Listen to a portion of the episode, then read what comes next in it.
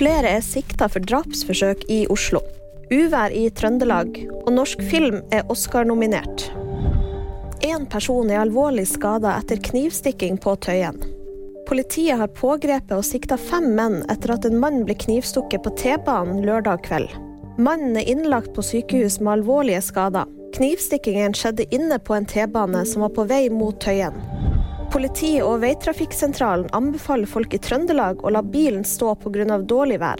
Flere veier er stengt pga. snøfokk og dårlig sikt, og flere biler skal stå fast.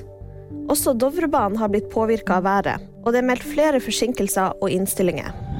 Norsk film kan vinne Oscar i natt. For andre år på rad er en norsk filmproduksjon Oscar-nominert. Natt til mandag norsk tid kan kortfilmen 'Nattrikken' stikke av med den gjeve prisen. Kortfilmen er regissert av Eirik Tveiten og handler om Ebba som skal ta trikken hjem en kald vinternatt.